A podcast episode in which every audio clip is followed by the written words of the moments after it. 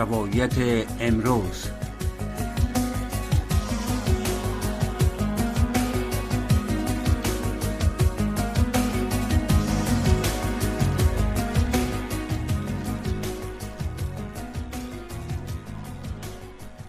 شنوندای عزیز رادیو آشنا صدای امریکا. سلام و وقتتان بخیر. امیدوارم در هر کجای که هستین صحت و سلامت باشین و از گزند روزگار در امان باشین. باز هم برنامه روایت امروز است و ما فرخنده پیمانی در نیم ساعت آینده خدمت شما عزیزان در برنامه قرار دارم و پس از او در نیم ساعت بعدی در برنامه صدای شما خواهم بود.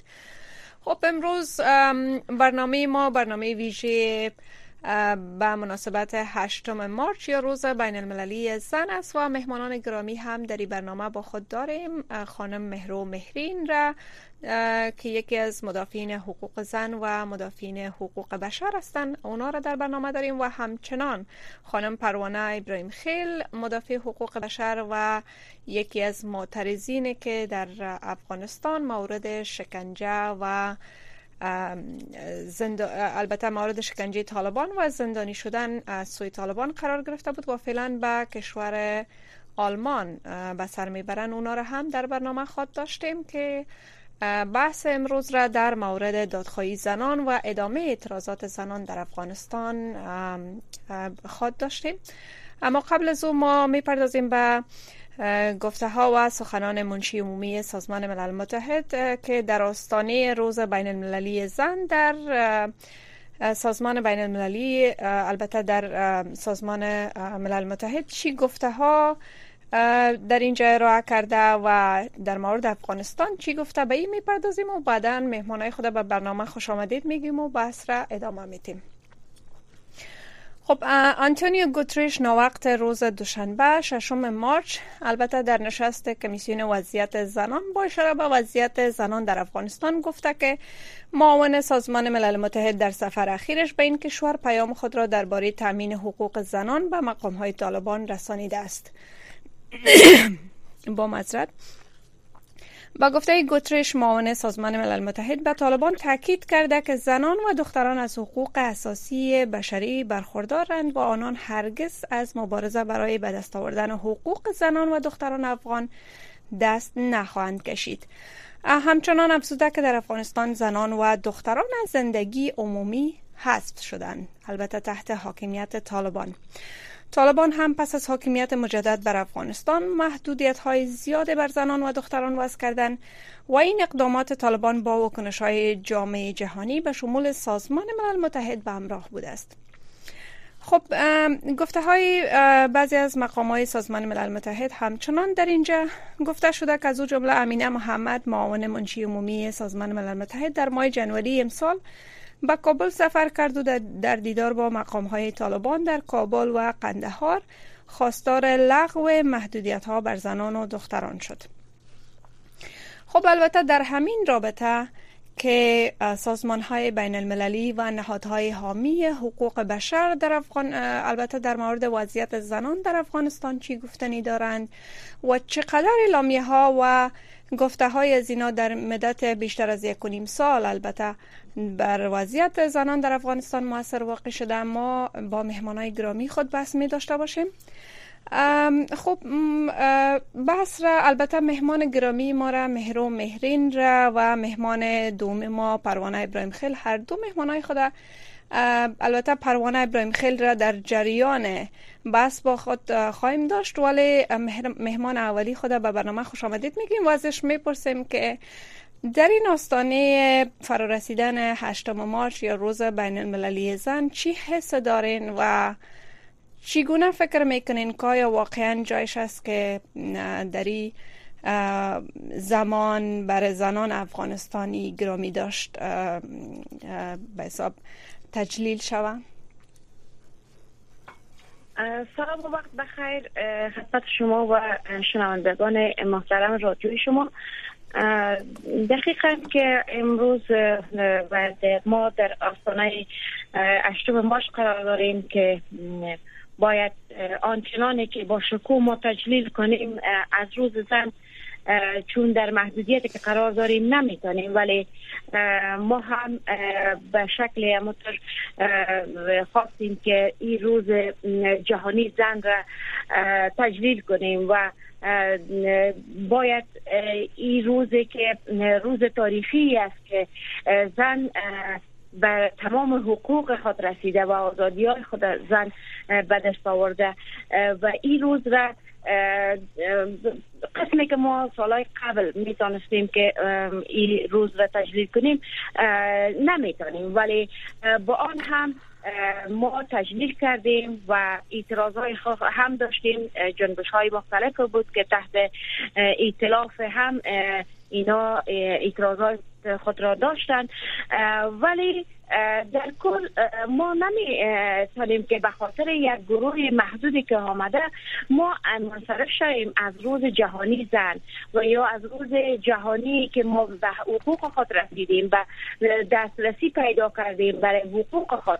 باید این روز ما گرامی داشت بگیریم و تجلیلش کنیم و به هر نحوه که میشه حتی در کوچکترین مکانی که حضور داریم ما باید این روز گرامی داشت بداریم و تجلیل کنیم و این روز در این روز ما باید بر تمام دشمنای زن ثابت بسازیم که ما زنان قوی هستیم و ما هیچ روز می‌تونیم که بین خود تجلیل کنیم و ما هیچ نیاز نداریم که طالب برای ما این روزه گرامی داشت بگن چرا طالب در حد نیست که از حق و حقوق زن آگاه باشه و خود را یعنی در حد بشناسه که از, از یک از یک زن به وجود آمده. یعنی مادرش یک زن از او ارزش برای مادر خود داره و پس ما توقع از اینا نداریم. ولی خود ما در بین خود این روز تجلیل کردیم و می‌کنیم تجلیل و هم صدای را بلند کردیم برای جهانیان که این روز روز بسیار پر مفهوم و پر محتواست برای زن افغان. درست است که زن افغانستان فراموش شده. درست است که زن افغانستان در میدان مبارزه تنها مانده. ولی نمیشه که ما به خاطر یک گروه محدود شده از این روز منصرف شویم و یا خاموش بشیم. شما شاهد هستین در این روزها که از تاریخ چهار و پنج مارچ شروع شد تا به امروز. شاهد اعتراضات هستیم که خانما هم تجلیل می‌کنن و هم به نحو اعتراض خود را بیان می‌کنن صدای خود را بلند می‌کنن.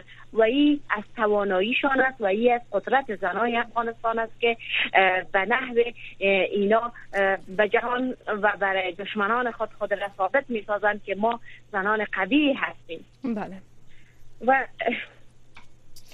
خب خانم مهرین البته در مدت یک نیم سال بیشتر از یک نیم سال گذشته حاکمیت طالبان در افغانستان.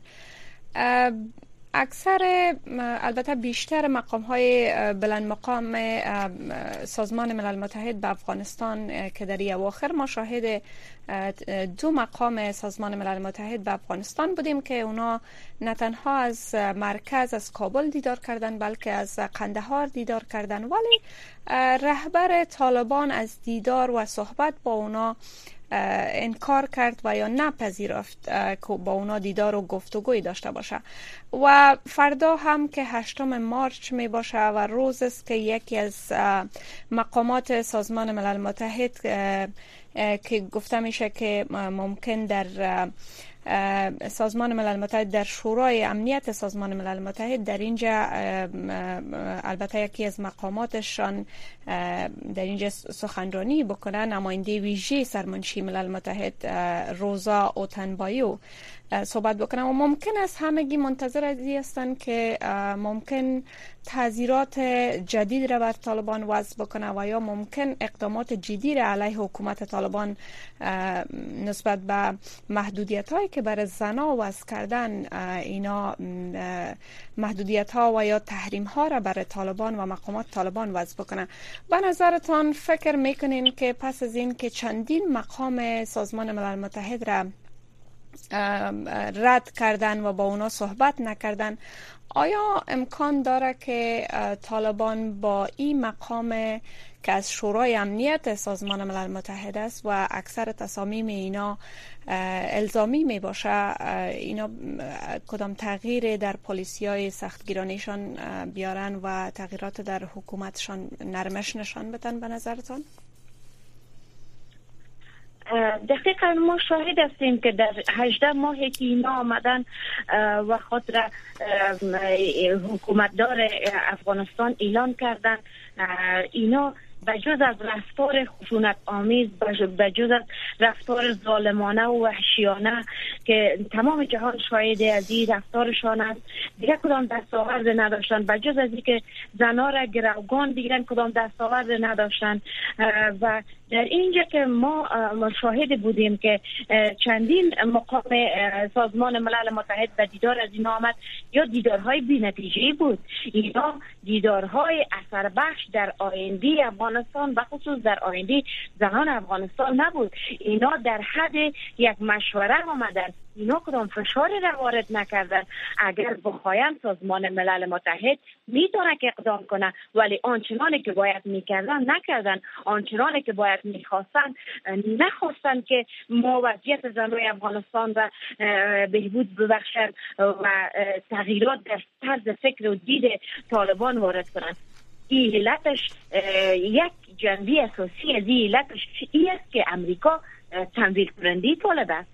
اگر امریکا طالب را تمویل نکنه و پولهای افتوار چند میلیون دلاری برشان ارسال نکنه و اینا را در تحریم ها قرار بده و در اخطارها بر از طرف امریکا داده شود اینا صد درصد که به یک نتیجه می‌رسن و در طرز فکر و دیدشان یک تغییر به وجود اینا با دلار مستی و بازی دارن. اصلا اینا در فکر آیندی دختر افغان نیستن. شما ببینید که اگر همین دوستای مانی افغان های ما و که در خارج هستن یک روز طفلشان به کودکستان حاضر نشه امو خانواده چقدر رنج می‌بره که امروز از آموزش و پرورش طفل ممان و امروز در افغانستان ببینید که به میلیون ها 15 میلیون نفوس افغانستان از درس و آموزش و دانشگاه همه دور مانده و مدت 18 ماه شد. دیگه 18 ماه را کی جبران می‌کنن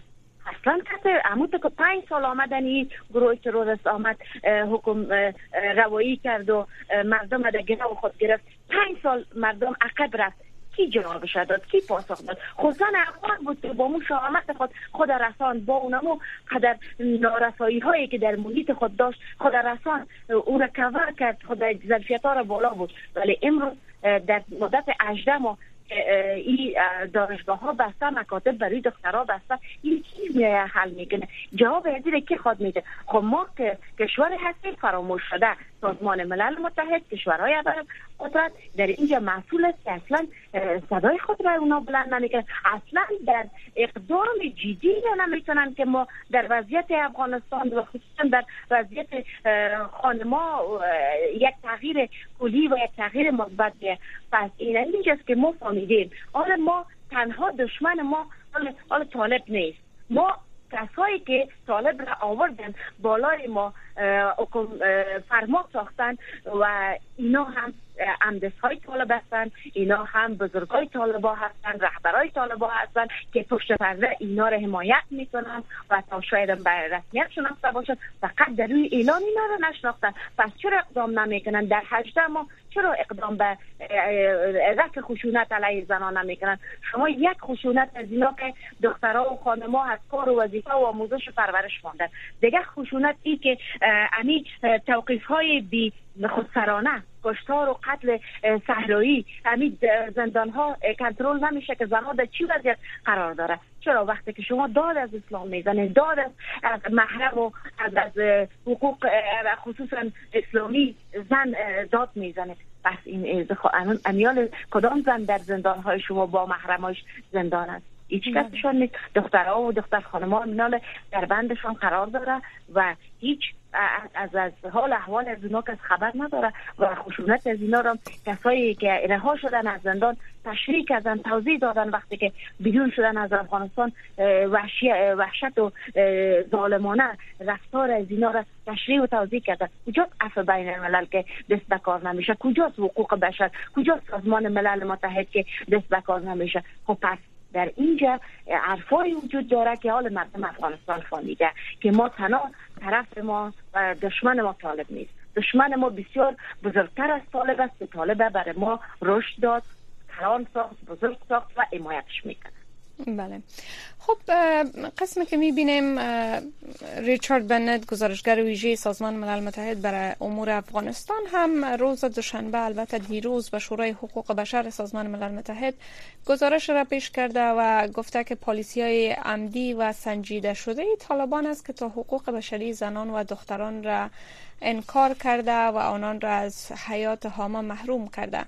و این کار گفته ممکن که جرم بین المللی آزار جنسیتی شمرده شود. به خاطر از این مقام های طالبا گفتم ممکن که پاسخگو قرار بگیرن به نظرتان چرا مقام های سازمان ملل متحد و نهادهای همچون سازمان ملل متحد که حامی حقوق بشر در جهان خود را میپندارند پس از گذشتن یک بیشتر از یک سال و نیم و این نتیجه رسیدن که ممکن اعمال طالبان و اینکه زنان را از زندگی اجتماعی محروم ساختن ممکن جرم بین المللی باشه. به نظرتان چرا قدر به تاخیر عمل می‌کنن؟ آیا فکر می‌کنین که موضوع افغانستان دیگر دنیا با او دلچسپی نداره؟ یا ای که بیشتر توجه ها معطوف شده به جنگ اوکراین که اکثر کشورهای قدرتمند در او منافع خود را می‌بینن و کوشش می‌کنن که در او بیشتر توجه به درگیری جنگ میان دو قدرت جهان توجه بکنن. به نظرتان واقعا افغانستان موضوعی است که دیگر دلچسپی نداره به او جهان؟ دقیقا یک موضوع شاید امی قطع علاقیشان به افغانستان بوده باشه. چرا که مدت چل سال است که کشور جنگ است و بدبختی است. شاید خسته شده باشد و از طرف دیگه هم اینجا چرا که ما مشاهد همی اوضاع سیاسی هستیم اینجا تعداد زیاد کشورهای بر قدرت خوشبین نیست که در افغانستان سالسیه درست است که خود در روی زمانه و در روی ظاهرا خود را مدافعین حقوق بشر اعلان می‌کنند. ولی در باطن چیز دیگر است.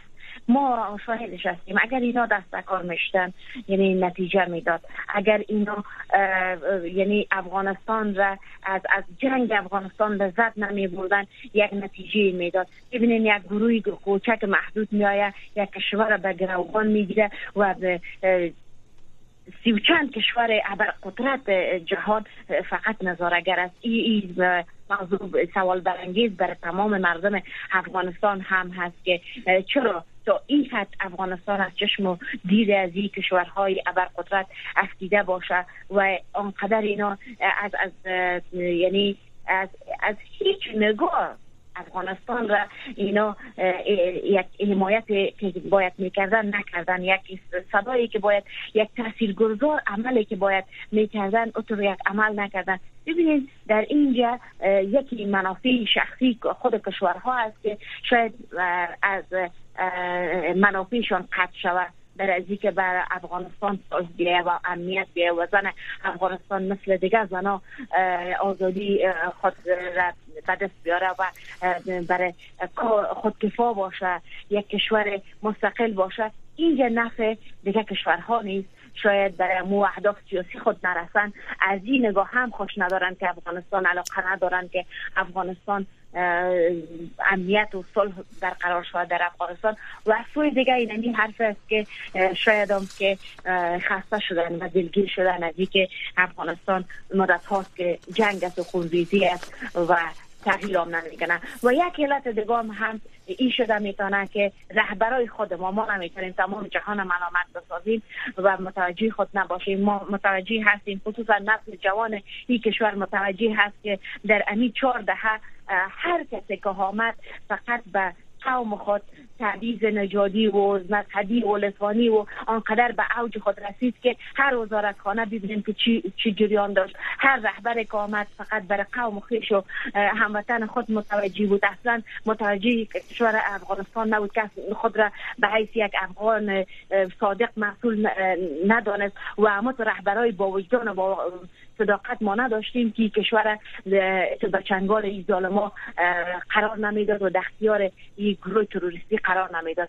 در اینجا رهبرای ما ملامت از شرم باد برشان میگم که ما را در چنین وضعیت قرار دادن که در خانه های خود خود را بلند کردن نمی‌تونیم و شرم باد برامو که مغزای متفکر و امثال از او از برادرای طالب که قبلا بودن از طالب و برادر می‌گفتن برای طالب و ما در یک بنبست قرار دادن و ما را در یک چالش شده قرار دادن که حال هیچ کس به داد ما نمی‌رسه. مشکل اساسی که کشور ما رهبرای خاین و رشوتخور و و امثال هم بود که ما سرنوشت سر دچار شدیم. بعدا باز از کشورهای منطقه و قدرت ها هم به شکل از ترجیح دادن منافع خودشان و منافع سیاسی و اقتصادی و خود را ترجیح دادن برای که نسبت برای که یک کشور را از مشکلات و از چالش ها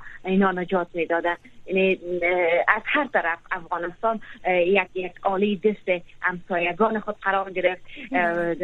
توسط امون رهبرای خواهین خود که خود فروش بودن و وطن فروش بودن و توسط امی امسایه های ناسپاس و خاین مورد استفاده قرار گرفت و از هر طرف افغانستان زخمی و افغان شد که بر همشان متاسف است بله. خب خانم مهرین ای در حال است که البته به مناسبت فرارسیدن هشتم مارچ هم اتحادی اروپا در گفته که بر شماری از مقام های و نهادهای شش کشور جهان به شمول افغانستان و روسیه به خاطر اعمال خشونت و نقض حقوق زنان تحریم های را وضع می‌کنه. البته به موضوع افغانستان ندا محمد ندیم سرپرست وزارت تحصیلات عالی و محمد خالد حنفی سرپرست وزارت امر به معروف و نهی از منکر حکومت طالبا در فهرست تحریم های اتحادیه اروپا شامل هستند دو نفر. ندا محمد ندیم به خاطر محروم کردن زنان و دختران از حق آموزش و حنفی هم به خاطر سلب حق آزادی بیان زنان و اعمال مجازات خشونت آمیز بر زنان که از اوامر طالبان اطاعت نمی کنند تحریم وضع شده.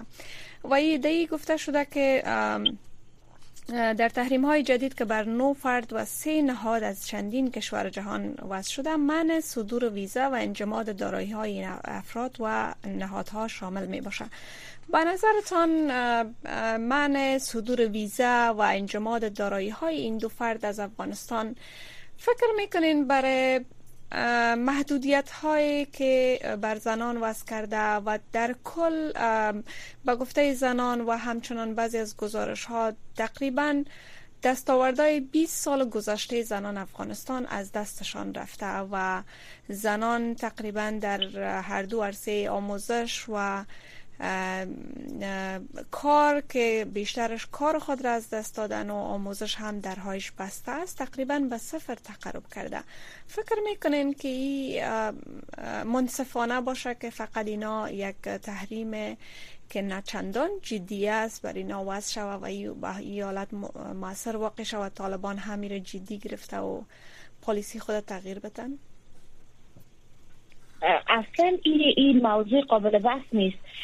من صدور ویزا چی در افغانستان را دوام می‌کنه؟ که برای یک دو نفره که در لست در سیاه نامایشان بود که توسط خود امریکا نامای از اینا حق میشه از لست سیاه مبرایا و این های بین المللی بودن که اینا چی خیانت هایی را که خود امریکا می‌فهمه بیشتر از ما که اینا مرتکب نشده یعنی این تحریم هایی که مثلا سفر نکنن در یک کشور و یا ویزه صدور ویزهشان منع شود هیچ نزد افغانستان را دوام نمی‌کنه.